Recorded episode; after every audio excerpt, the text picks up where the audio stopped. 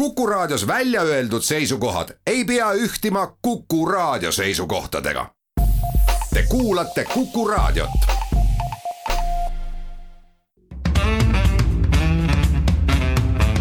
muuli ja Riikoja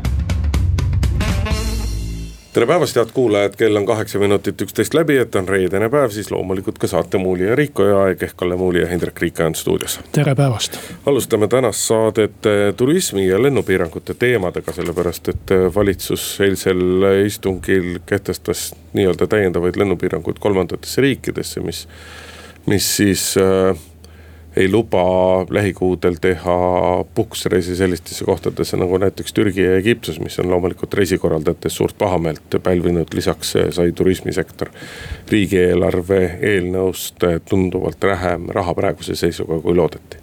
räägime teiseks eh, Estonia uuest uurimisest, valitsus tegi siis lõppeval nädalal Soomele ja Rootsile ametliku ettepaneku alustada uut uurimist. riigieelarvest räägime kolmanda teemana õigupoolest siis sellest, äh, miks ei leitud raha ei õpetajate palgatõusule ega põllumeeste täiendavaks toetamiseks ja mõlemad pooled on, osapooled on lubanud ka streikima hakata.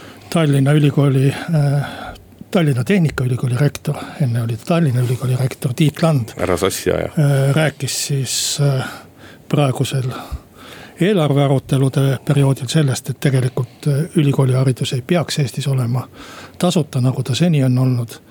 vaid äh, peaks ikkagi leidma mingisuguse täiendava finantseerimise allika siis kas äh, õppemaksu või, või omaosaluse kaudu tudengitelt või siis peaks riik oluliselt suurendama seda toetust mida ta praegu ülikoolidele maksab.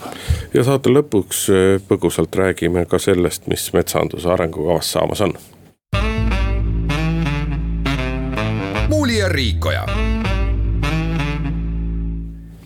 turismifirmad on saanud äh, jätkuvalt kestvas koroonakriisis vaieldamatud majandusvaldkondades erinevatest majandussektoritest kõige tugevamini pihta ja on seeläbi olnud nemad ka kõige aktiivsemad küsima täiendavat toetust. suvel arvutati kokku, et kuni järgmise aasta kevadeni või järgmise aasta suve alguseni vajaks kogu turismisektor, see siis hõlmaks endast nii majutust, reisikorraldajaid, teatud määral toitlustust ja, ja kõiki osapooli seal kuskil kuni kaheksakümmend miljonit eurot, seda summat loomulikult riigieelarvest keegi saada ei lootnud, aga noh, mõnekümne miljoniga oldi oma peades juba arvestatud küll, kuni siis tuli välja riigieelarve eelnõu ja seal sealt lubati eraldada turismisektorile täiendavalt viis koma kaheksa miljonit eurot ja seegi pole selles mõttes päris uus summa, vaid pisut, see summa või pisut rohkem jäi kevadisest ühest abimeetmest üle, mis oli turismisektorile suunatud.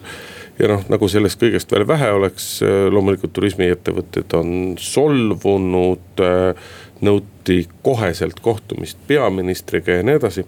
aga kõigele sellele lisaks on palju pahameelt tekitanud äh, majandusminister Taavi Aasa otsus keelata ühest küljest küll leevendada nii-öelda lennupiiranguid, et Tallinnasse on võimalik senisest enam lennata, kui siin vahepeal see võimalik oli, aga keelati ära puhkuse või tšarterreisid sellistesse populaarsetesse puhkuse sihtkohtadesse nagu Egiptus ja, ja Türgi ja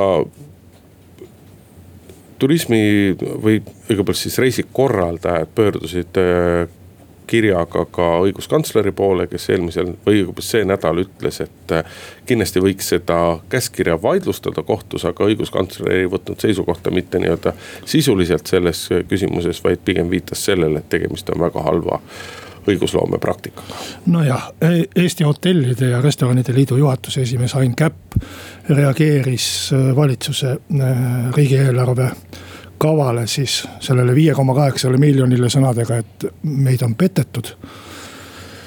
noh, ma ei tea, mulle meenus selle peale üks Olari Taali ütlus. ma ei mäleta, kas ta on seda avalikult ütelnud või mulle rääkinud omavahel. aga kui teda niiviisi mälu järgi tsiteerida, siis ta rääkis ka, et tead, et mind ühe poliitilise asjaga seoses rääkis. tead, mulle tundub, et mind on aastaid petetud. ja siis ise arutab, aga miks mind on petetud? võib-olla et sellepärast, et ma ise tahtsin, et mind petetaks. et tegelikult ju turismiga ka on selline noh, vaade, et turismiettevõtted ise loodavad, et äkki kevadel taastub, äkki suvel taastub äh, turism. aga mulle tundub küll, et see on selline noh, mingisugune selline enesepettus, et kujutame ette, et asjad lähevad ilusaks, aga mingit ju äh, noh, tõenäosust äh, ei ole või noh, tõenäosus täpselt samasugune on, et läheb vastupidi, et ei lähe kevadel hästi ja et see koroona kestab veel kaua. taevas teab, millal see vaktsiin tuleb, loodetavasti tuleb järgmisel aastal, aga noh. ega siis päevapealt ei ole kõik inimesed vaktsineeritud ja isegi kui kõik inimesed oleksid vaktsineeritud päevapealt, siis see äh, harjumus ja, ja kõik muud asjad see muutunud äh, noh, reisiolukord, ega see ei taastu. ka siis, kui, kui me kõik laseksime ennast ära vaktsineerida ja ei taastu päevapealt, et see kulub ikka kaks-kolm-neli aastat, võib-olla. kui noh, see mõttetu ringi lendamine täpselt samal viisil jätkub nagu aastal kaks tuhat üheksateist ta oli. ma pean selle mõttetuse all silmas kõiksugu seminariturismi ja, ja tohutut ametnike lendamist Brüsseli vahet, mis äh, ju nagu nüüd näha on, tegelikult võiks ka vabalt ära jääda ja videoga asenduda. no tegelikult on muidugi näha, et väga keeruline on ilma, ilma paljude selliste nii-öelda silmast silma kohtumisteta. Et ei ole see ühti nagu nii lihtne ja mina küll julgen ennustada, et kui nii-öelda sellele kriisile teatav nagu piirang piir peale pannakse, on see siis läbi vaktsiini või mingil muul kombel, siis vastupidi, toimub täielik nii-öelda nagu plahvatus ja mingisuguseid asju hakatakse tegema, vastupidi, ogaralt palju ja veelgi rohkem.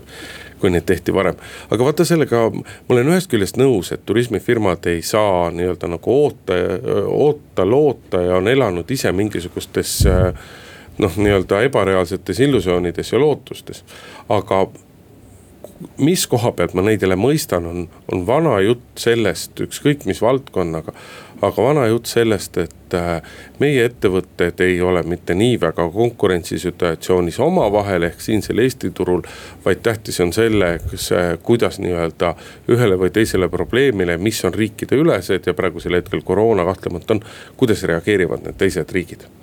Ja, ja Taavi Aas ka kuskil kuskil intervjuus viskas, viskas õhku selle, et noh, et Eesti reisikorraldajad võiksid näiteks võiksid näiteks õppust võtta soomlaste aurinkomatkast, eks ole, kes on oma osad reisid nii-öelda nagu peatanud, kõike midagi ei tee ja et meie. meie reisikorraldajad peaksid samamoodi tegema, eks ole, noh, mis ei ole selles mõttes tõsi, et aurinkomatka ei ole kogu oma tegevust peatanud. aga noh, kui sa soovitad nii-öelda poliitika on üks, ükskõik, kas siis vaadata otsa Soome ettevõtetele, vaadata otsa Saksa ettevõtetele, vaadata et, otsa Rootsi ettevõtetele või. või neljandale, viiendale, kuuendale riigile. siis kui sa sellist asja soovitad, siis ole hea, vaata otsa ka sellele, kuidas need riigid oma sektoreid ja oma ettevõtteid nii-öelda nagu toetavad selles olukorras. et kas lihtsalt öeldakse, et lõpetage lendamine, lõpetage reiside korraldamine ära või öeldakse, et lõpetage reiside korraldamine ära ja selle vahepealsel ajal me aitame teid nii, naa ja kolmandat moodi.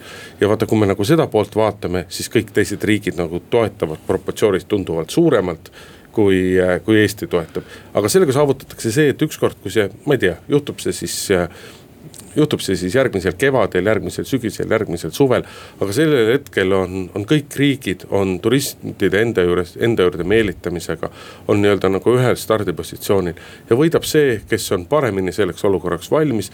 kes suudab kiiremini reageerida, inimestele ennast paremini maha müüa ja kui Eesti sektorit on toetatud tunduvalt madalamalt, kui seda mujal tehakse, siis on Eesti stardipositsioon on tunduvalt väiksem, kehvem tulemus on kehvem ja seeläbi ka riik nii-öelda turismist saadavat raha, mis on siiski arvestatav osa Eesti SKP-st. saab ka tunduvalt no, vähem, võimalik. selle jutu järgi peaks arvama, et toetada tuleks ainult neid, kes toovad turiste Eestisse. ei, mitte ainult neid, kes sest, toovad turiste Eestisse. kes välja viivad, need, see on hoopis midagi muud, aga ma olen sinuga päri selles.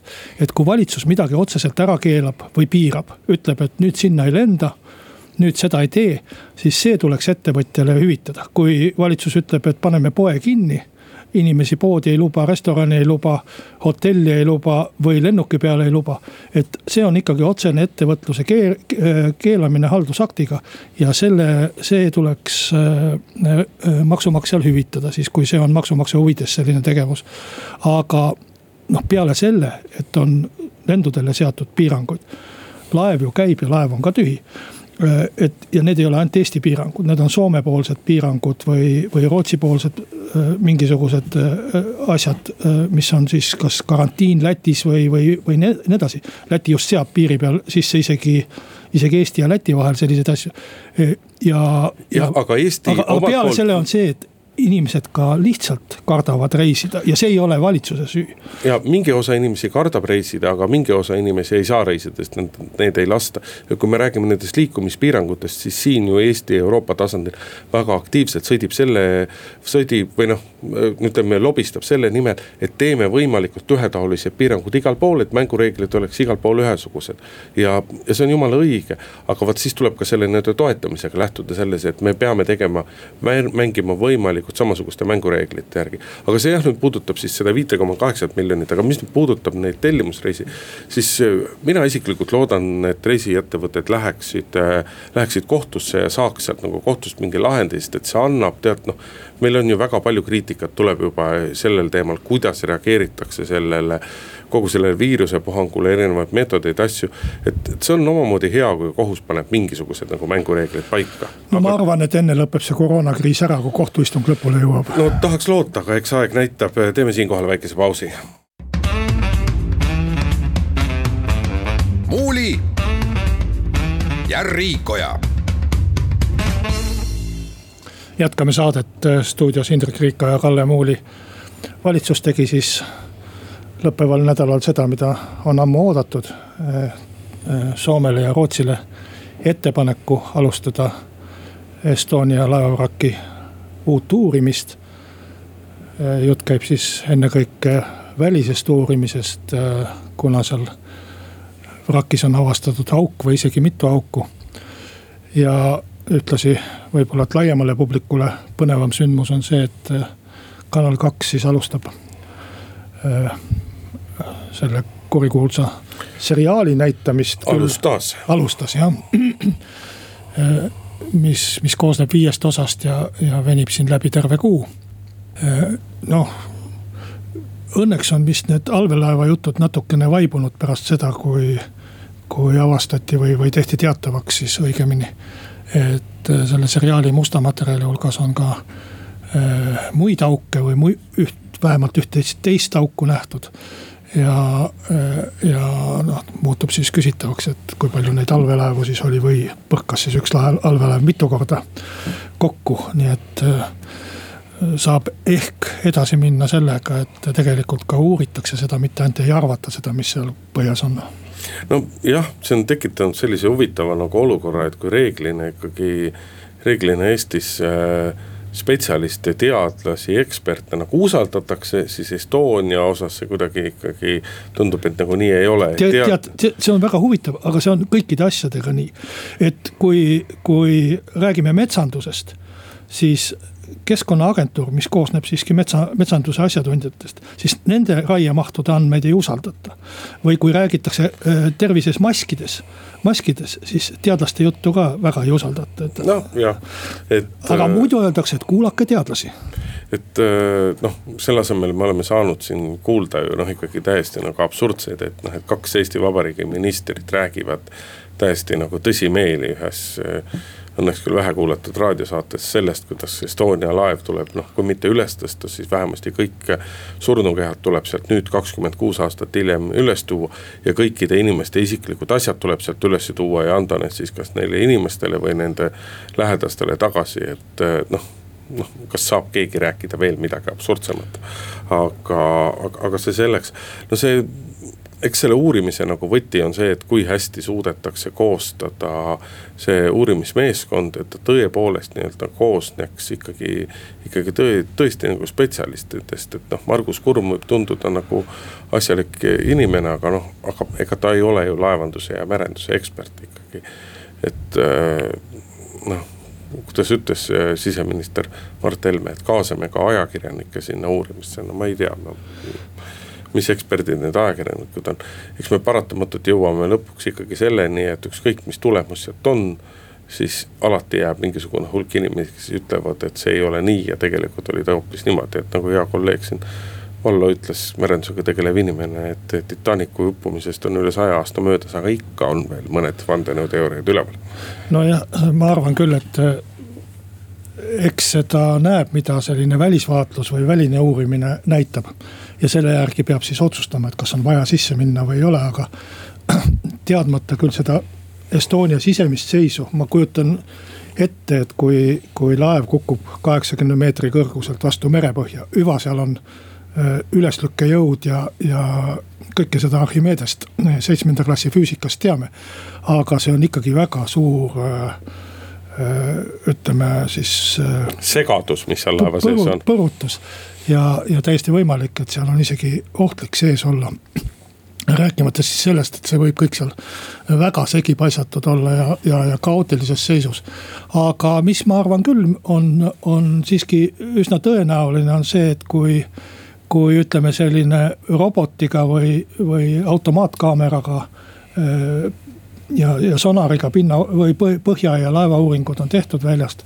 et siis äh, on täiesti mõeldav sinna saata ju ikkagi ka tuukreid ja, ja inimesi seda auku ja olukorda vaatama, nii et äh, noh, selles mõttes äh, kindlasti ei pea piirduma ainult sellega, mida filmivõttemeeskond tegi. ehkki ma tean, et valitsus on filmi võttegrupilt palunud ka musta materjali välja anda ja, ja minu teada see võttegrupp kes on äh, väga viisakalt ja väga hästi käitunud.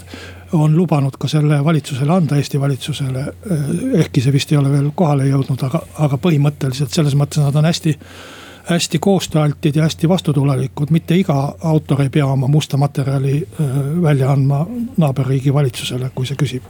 no eks alustada tuleb siiski selle uurimise käigus sellega, et, et tuleb väga korralikult ära kaardistada nii-öelda see ümbrus, selle laevavraki ümbrus, milline on seal need pinnasevormid, kuidas see laev on, on selle, selle, selle pinnase peal liikunud.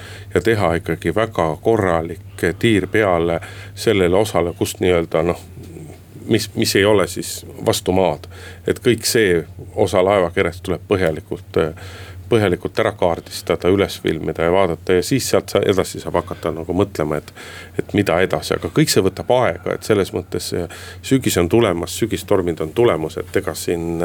ega siin ei ole kiireid laheng, lahendusi paratamatult ees. no esimene küsimus on, et kes leppima. hakkab seda komisjoni juhtima, see on väga oluline ja. küsimus. aga teeme siinkohal pausi, kuulame ära pooltunni uudised ja siis läheme juba oma saatega edasi. muuli ja Riikoja.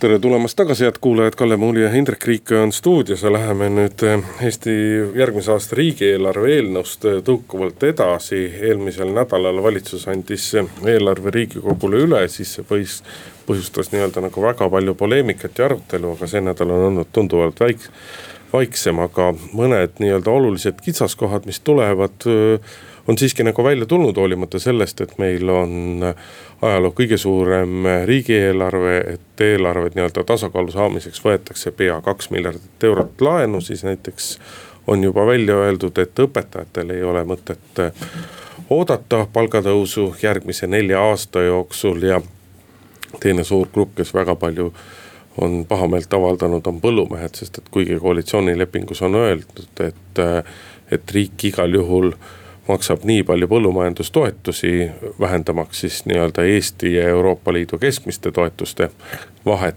Äh, kui riigil vähegi võimalik on, siis juba teist aastat äh, eelkõige EKRE, kellega see on maaeluministri koht ja kes on alati ennast äh, esit-, esindanud või esitlenud kui põllumajanduse kõige suuremat kaitseinglit. Nende ministri all lihtsalt on top-up toetused lihtsalt ära unustatud.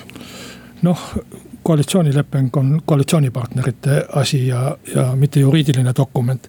aga põhimõtteliselt ma arvan, et. kui mees midagi ütleb, siis mees võiks oma sõna pidada. jah, ma ei tea, kas, kas keegi äh, on põllumehi ka kaasanud selle koalitsioonilepingu koostamisse või mitte, aga. Aga kas ne-, kas, kas neile on sellega seoses mingeid lubadusi antud, aga ma arvan no et.... kui koalitsioonileping allkirjastatakse, siis on see ju tegelikult selle koalitsiooni lubastus tervele ühiskonnale. ja ühiskonnal on ikkagi täiesti õigustatud ootus, et koalitsioonilepingusse sisse pandud asjad, need on ju asjad, mis lubatakse järgmise nelja aasta jooksul või siis vähemasti kuni järgmiste valimisteni nagu ära teha, see on koalitsioonilepingu mõte. Või ma olen millestki, Kalle, valesti aru saanud. vaata, sina oled olnud riigikogus ja oled ka koalitsioonierakonna liige, et sina tead neid asju siis paremini. sellega pigem võetakse kohustused teiste partnerite ees ja kokkulepped, et me teeme. aga koalitsioonilepingut võib iga kell muuta omavahelise kokkuleppega, aga me takerdume täiesti kõrvalise asja juurde. ma lihtsalt tahtsin ütelda, et see ei ole nagu väga argument antud juhul, aga äh, ma arvan, et. ei, ei, ei, Kalle, küll me ei tahtnud sellest rääkida, see on ikkagi väga põhimõtteline Indrek, asi, et kui koalitsioonileppes on kümneid asju, mida ei tehtagi ära, sellepärast et ei jõuta teha. aga see näitab ikkagi koalitsiooni nõrkust, mitte tugevust, sest et koalitsioonileping koostatakse. koalitsioonileping on koalitsioonierakondade valimisprogramm, need on asjad, mis tahetakse ja lubatakse ühiskonnale ära teha oma valitsemisaja jooksul. Indrek, Isamaa vahetas eelmises koalitsioonis erakonna esimeest, tuli Helir-Valdor Seeder, ütles neid makse me ei tee koalitsioon leppis kokku, tegi teisiti. noh, see Oli ei olnud nüüd päris nii, et neid makse me ei tee, aga ega see, äh, aga kui see koalitsioonileping ikkagi sõlmitakse, siis see on ju väga selge nii-öelda tööplaan. aga on ju selge, et koalitsioonilepingut sõlmides keegi ei näinud ette sellist koroonakriisi. Äh, neid on äh, igasuguste koalitsioonide ajal on juhtunud selliseid kriise.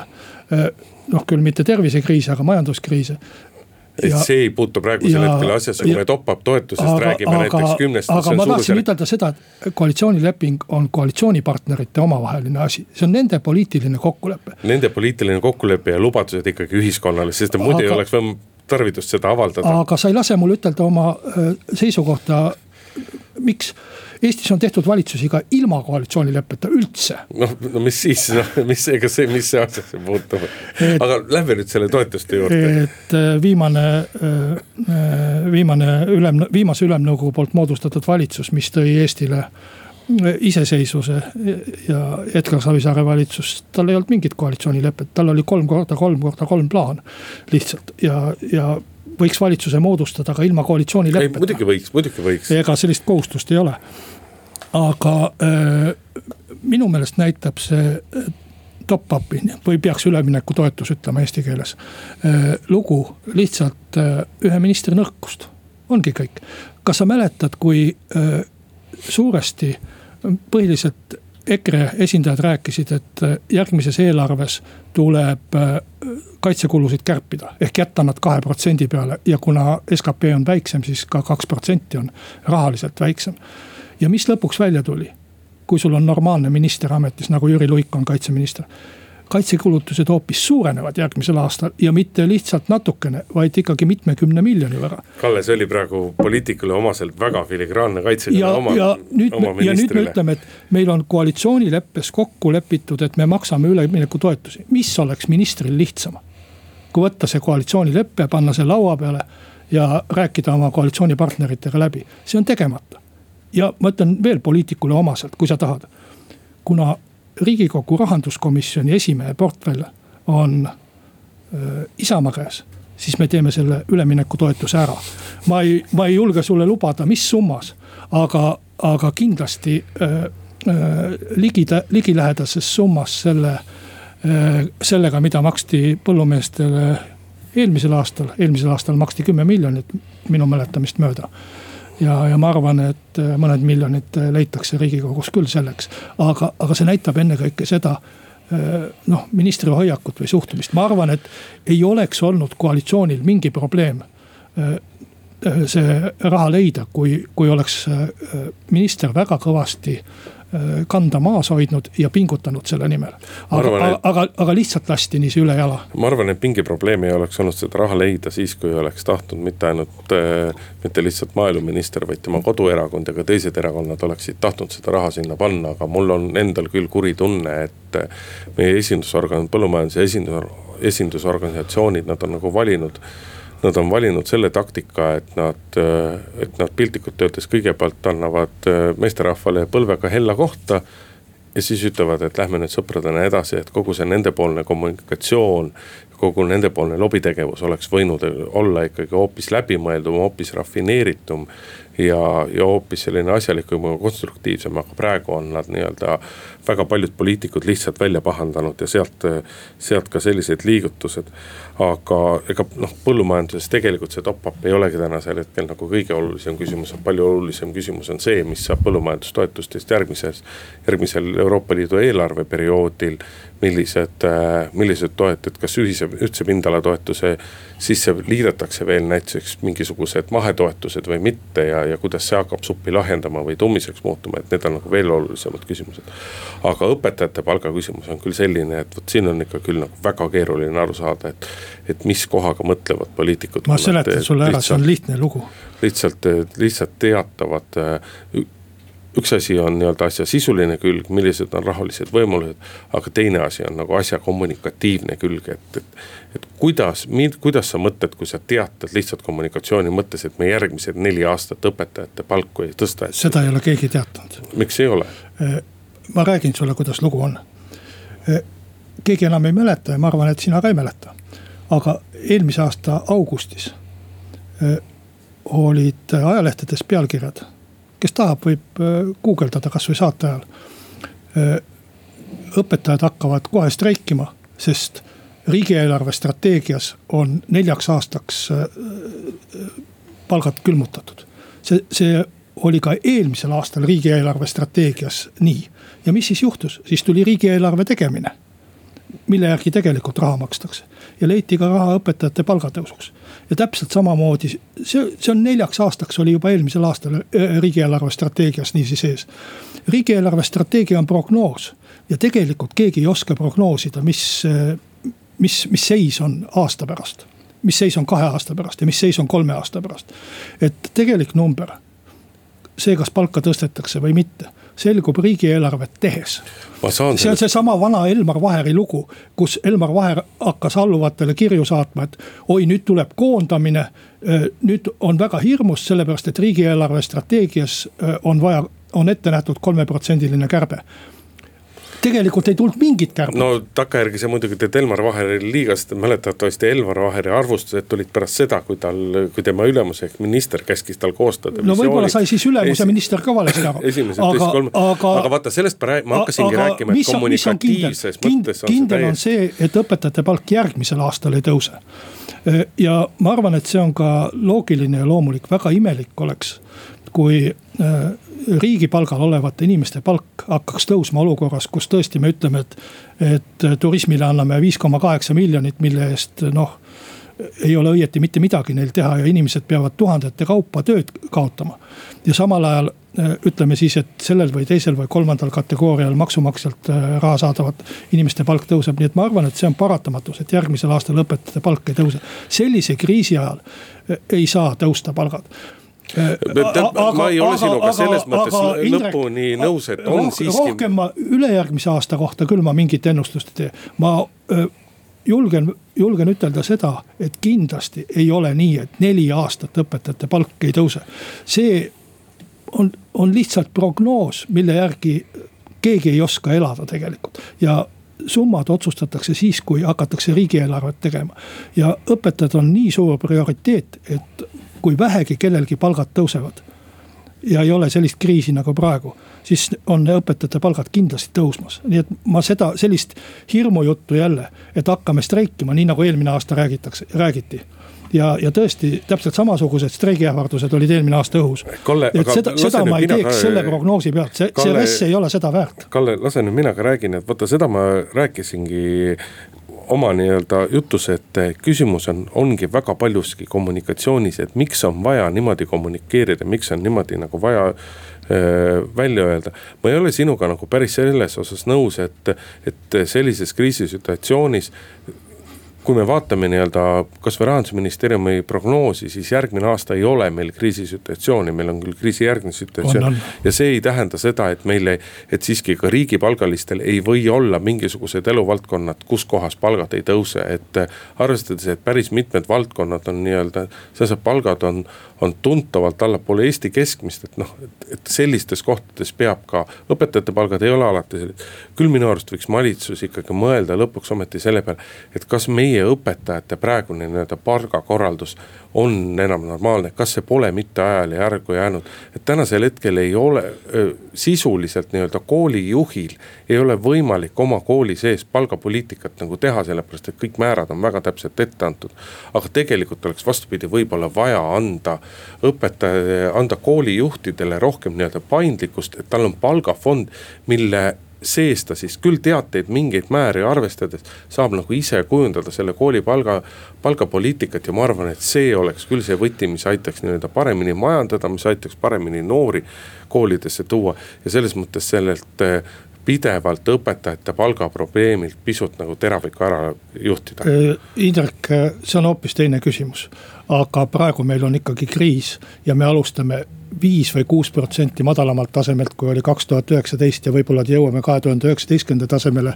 alles siis, kui on aasta kaks tuhat kakskümmend kaks käes, et seda ei tea ja, ja me ei tea, milline kriis veel järgmisel aastal tuleb. aga see ei tähenda, et, et meil ei või olla siiski ka riigi. siis tuleb seda, seda, seda raha võtta, kas, kas laenurahast mille kohta öeldakse, et seda ei tohi süüa. või tuleb seda võtta maksude tõstmise kohast, mille kohta Isamaa ütleb, et meie makse ei tõsta. meil on juba, meil on juba peaaegu kaks miljardit võetakse järgmise riigieelarveks.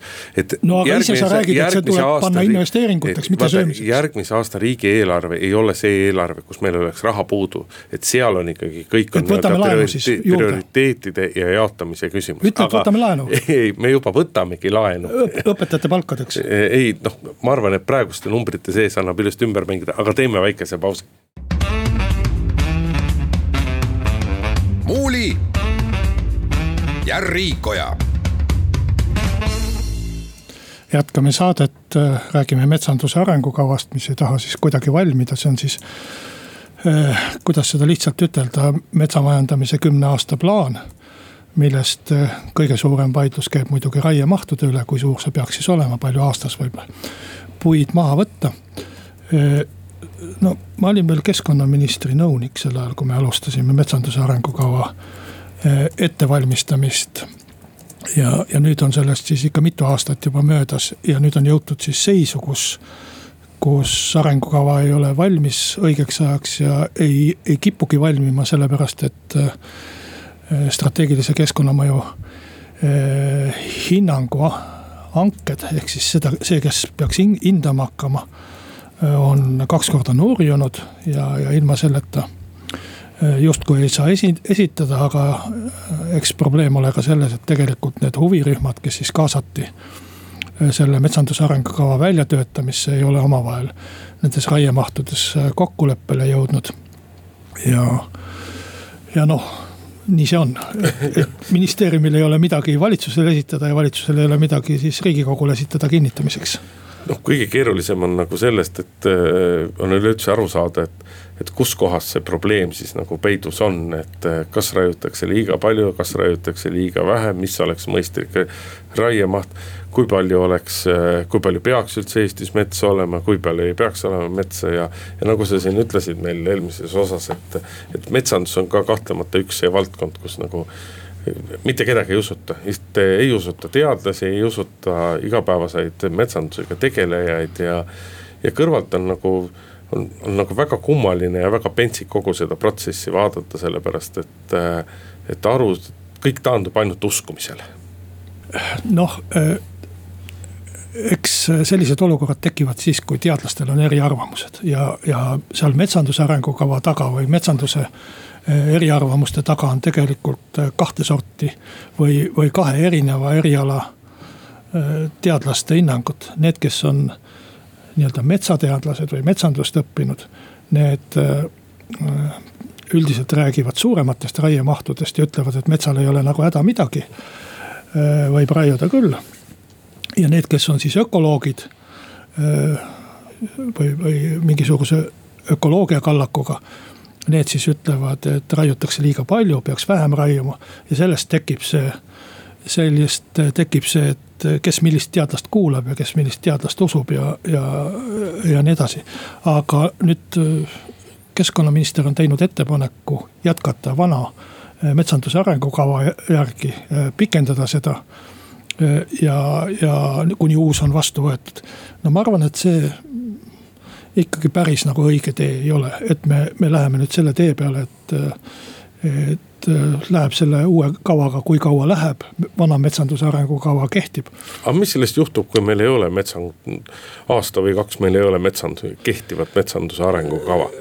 ma ei oska sulle nüüd juriidiliselt ütelda, et seal võib olla mingisuguseid asju, mida siis ei saa teha või, või mingisuguseid asju, mis on siis keelatud või lubatud rohkem. aga äh, ma arvan ikkagi, et noh, see lootus, mis meil algul oli ja see lootus oli juba algusest peale naiivne lootus. et me võtame huvigrupid laua taha ja las nad selgitavad üksteisele siis oma seisukohti ja, ja lõpuks äkki lepivad kokku. huvigrupid ongi sellised, et ega nad hästi kokku ei lepi, sellepärast neil on erinevad huvid. ja, ja see kokkuleppimise koht minu meelest ei peagi olema huvigruppide vahel. sest ega huvigruppidel ei ole rahva mandaati, huvigruppidel on oma grupi liikmete mandaat ja, ja nad esindavad seda oma huvi. et see kokkuleppimise koht peaks olema ikkagi riigikogu, kus on rahvaesindajad rahvalt saadud mandaadiga. ja ma arvan, et ministeerium peaks ikkagi tegema mingisuguse otsuse, mis ta siis äh, arvab nende huvigruppide seisukohast, võtma selle vastutuse ja tulema ikkagi valitsusse mingisuguste, mingisuguste äh, seisukohtade, et ei saa jääda nii, et huvigrupid vaidlevad ja las nad jäävadki vaidlema ja, ja niikaua, kui nad vaidlevad, siis kehtib vana metsanduse arengukava edasi. sel juhul me võime ütelda, et sajandi lõpuni kehtib see metsa, vana metsanduse arengukava. no ideaalis võiks tegelikult olla siiski nii, et eh, metsanduse arengukava tuleb põhiosas ministeeriumist pärast seda, kui ministeerium on kuulanud kõik osapooled ära ja leidnud selle kesktee, sellepärast et ega meil nagu, ega meilt ju ka ega meil ei ole mõtet ju ka riigikogus oodata nii-öelda väga suure kvaliteediga arutelu sellel teemal, sest et ega ka valdav osa riigikogu liikmeid ei tea ju sellest valdkonnast mitte midagi, nad ei oska nagu hinnata. nii sa nemad... võid ütelda iga valdkonna kohta. noh, ega noh, aga nii see kipubki tihti nagu, tihti nagu olema, et vot metsanduse arengukavas, see peaks olema ikkagi eelkõige selline nii-öelda nagu praktiline dokument, mitte ideoloog-, mitte nii väga ideoloogiline. vaid praktiline dokument, mis nii-öelda tagab ühelt poolt nii-öelda jätkusuutliku metsa arengu või noh, mis tegelikult tagabki jätkusuutliku metsa arengu. niimoodi, et enam-vähem rahul oleksid eh, nii metsakasvatajad metsa metsaharijad, töötlejad kui ka, ka kõik looduskaitsjad ja rohelised. et noh, meil ei ole ju mõtet, ei ole mõtet loota, et kõik, kogu Eestimaa kasvab metsa ja, või kogu Eestimaa saab metsast puhtaks. no kui nii palju jääb teda alles nagu praegu on, siis sellest täitsa piisab. ma arvan ka, et me oleme ikkagi väga roheline ja metsarikas riik, aga meie saateaeg saab otsa, Kalle Muuli, Hindrek Riik olid stuudios, nädala pärast kuuleme jälle Muuli ja Riikoja